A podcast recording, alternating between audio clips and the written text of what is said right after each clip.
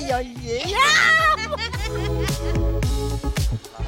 Mbak, dari mata turun ke pusar. Ayo kita kulineran pasar.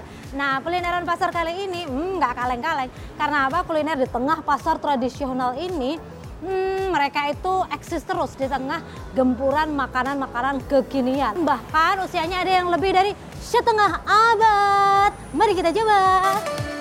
Kali ini kita jalan-jalan di Pasar Wonokromo Surabaya ya. Selain pasarnya sudah berusia tua, penjualnya juga turun-temurun dari generasi ke generasi. Kita mulai dari kuliner nasi tongkol Mbak Ju.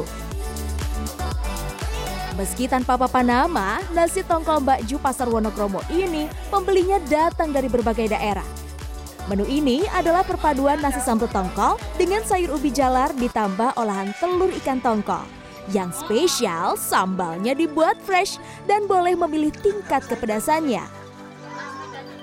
Nah, ini loh yang namanya tongkol. Sekali lagi ya, jangan salah sebut. Nah, penampakan nasi tongkol itu seperti ini ya. Tampak full warna ya, ada merah, kuning, dan lain sebagainya. Sebenarnya tanpa telur gini, ini seporsi gini Rp17.000 tanpa tambah telur jadi Rp20.000. Meriah banget. Jadi ada sayurnya, terus sama yang istimewa ada ini. Ini adalah olahan dari telur tongkol. Oke. Hmm, ya ampun. Belum makan aja udah ini bismillahirrahmanirrahim. Hmm. Hmm. Hmm. Belum lagi kesegaran dari sayur daun ubinya. Rasanya memiliki kekhasan tersendiri. Kombinasi teksturnya didapat dari teri crispy-nya. Pengganti kerupuk nih. Jadi ini kita ngerasain yang namanya umami dari telur dikombinasikan sama tempe. Diolah pakai tempe ya, Mbak Ju ya. Hmm. Recommended surga dunia. Hmm. Meski di tengah pasar tradisional, pengunjung datang dari berbagai kalangan. Udah langganan banget. Karena di sini tuh murah, terus pedas sambalnya tuh bikin ketagihan. Iya, sambalnya tongkolnya suka semua. Sambelan Mbak Ju ini pun sudah berjalan dua generasi sejak tahun 1974. Meski kini pengunjungnya sudah ramai, namun Mbak Ju tetap memilih bertahan di lokasi yang sama. Ada, tapi saya yang nggak mau. Masalahnya anaknya satu, terus saya sudah kebiasaan di sini. Iya, kasihan pelanggan.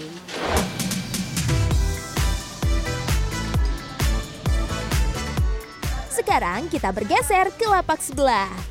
Kita akan mencicipi rawon legendaris yang telah eksis selama setengah abad. Warna hitam rawon berasal dari rempah keluak yang direbus bersama potongan daging sapi sebagai kuah. Umumnya kuah disajikan dengan potongan daging, tauge, dan sambal. Namun di rawon legendaris ini bisa ditambahkan tahu Bali dan krengsengan. Wih, komplit deh. Hmm, ini beneran kuliner yang bikin watery atau bikin apa air lidah itu mengkeluar gitu sebelum makan. Yang pertama karena aromanya, yang kedua dia itu hitam tapi itu glowing gitu loh. Oke, kita coba ya. Pertama kita campur dulu antara krengsengannya, empal suwirnya, terus kemudian tahu bumbu balinya, tempenya. Oke. Hmm, semuanya jadi satu. Bismillahirrahmanirrahim. Mari kita coba. Hmm. Hmm, ini sih nasi sama kuahnya aja udah enak ya. Tapi rasa akan semakin sempurna ketika kita tambahkan telur asin. Berdiri sejak tahun 1960-an, pelanggannya datang dari lintas generasi. Sebagian besar menikmatinya sambil bernostalgia.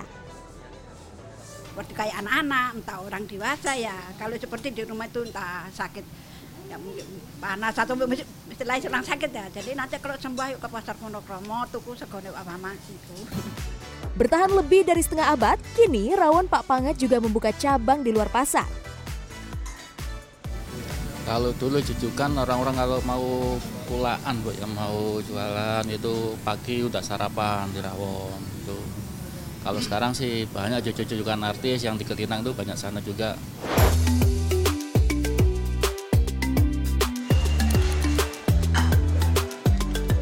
Pasar tradisional Wonokromo menggeliat hingga malam hari, termasuk kuliner malam di sekitar pasar. Nah, masih di seputaran Pasar Wonokromo, tepatnya ini di sebelah utaranya pasar. Ini ada warung yang hmm, legend banget. Sebenarnya menunya ini sederhana ya, nasi sambelan gitu aja. Tapi omsetnya itu sehari bisa sampai 25 juta rupiah. Nasi sambal Mak Yeye. Bagi orang Surabaya, kuliner ini memang sudah dikenal. Berada di sebelah utara pasar Wonokromo, pembelinya tak pernah sepi. Menunya adalah nasi sambelan dengan beragam pilihan lauk, seperti telur, tempe tahu, dan ikan pari atau di dalam bahasa Jawa dikenal sebagai iwak pe. Penyajiannya, nasi dicampur dengan lauk ikan pe atau lele, telur, dan juga sambal. Nah, jadi penampakannya itu seperti ini ya. Jadi Rp20.000. Ini menu P komplit kita dapat ada ikan P, tempe, telur sama sambal. Sambalnya itu ada dua macam jenis, ada sambal pedas sama sambal manis. Kita bisa pilih salah satu atau minta campur kayak saya. Oke, sekarang kita coba ya. Terutama ikan P-nya ini dulu. Hmm.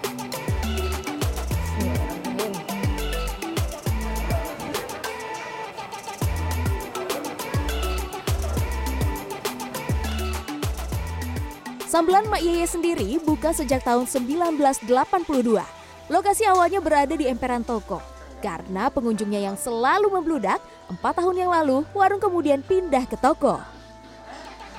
Nih beruntung ketemu Mak Yeye, Mak. Sehat ya, Mak? Sehat. eh lucu lucu lucu. Mak, alhamdulillah sehat terus ya. Ya, sehat. Mak. Iya, nggak iso kan. Sehat. Tapi orang-orang itu manggil Mak Yeye, Mak Yeye. Aslinya namanya siapa sih, Mak? Oh, Mak Yeye. Ya Supiani. Gitu ya. Mak, ini sehari itu jualan sampai berapa omset jualannya nih, Mak? Omsetnya ya 20. Wih, juta, Mak? Ya, Alhamdulillah. Paling tinggi, paling tinggi. ya lebih sedikit ngono lho kadang. Wah, du- lebih dikit udah, Pak. 22, 23, 24, 25. Ya. Alhamdulillah ya, Mak ya. Wah, bisa sebanyak itu ya. Padahal kalau dipikir menunya sederhana sekali. Namun memang kenikmatan tidak selalu terkait rasa, namun juga suasana yang diberikan. Semakin riuh, semakin menarik meskipun lokasinya tidak instagramable.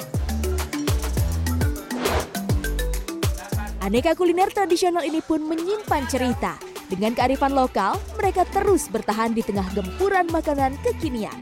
Lebih dari bertahan, kuliner ini pun menjadi legenda dan menggerakkan perekonomian dari generasi ke generasi. Tim Liputan CNN Indonesia, Surabaya, Jawa Timur. Hidup Pak Yeye. Ya, ya, ya.